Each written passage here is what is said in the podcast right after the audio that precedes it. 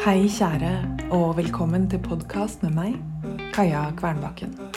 I dag med et fredagsbrev om potensialet og om å rote seg bort på veien. Måtte du leve ut ditt fulle potensial.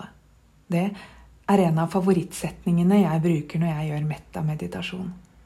Det er et av mine høyeste ønsker for meg selv og for deg.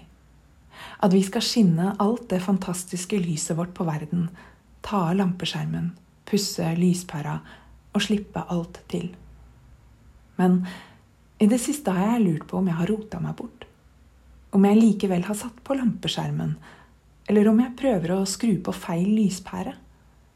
At i stedet for å bare skinne, i stedet for å bare være og stole på at kroppen min viser meg vei når jeg lytter til den, at gleden viser meg vei, lysten, så prøver jeg så hardt å planlegge, å være smartere enn kroppen, å tvinge ting fram før de er klare, at lysten forsvinner.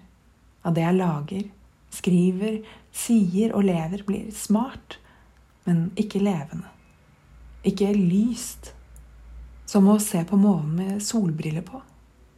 Og kanskje er jeg for streng med meg selv.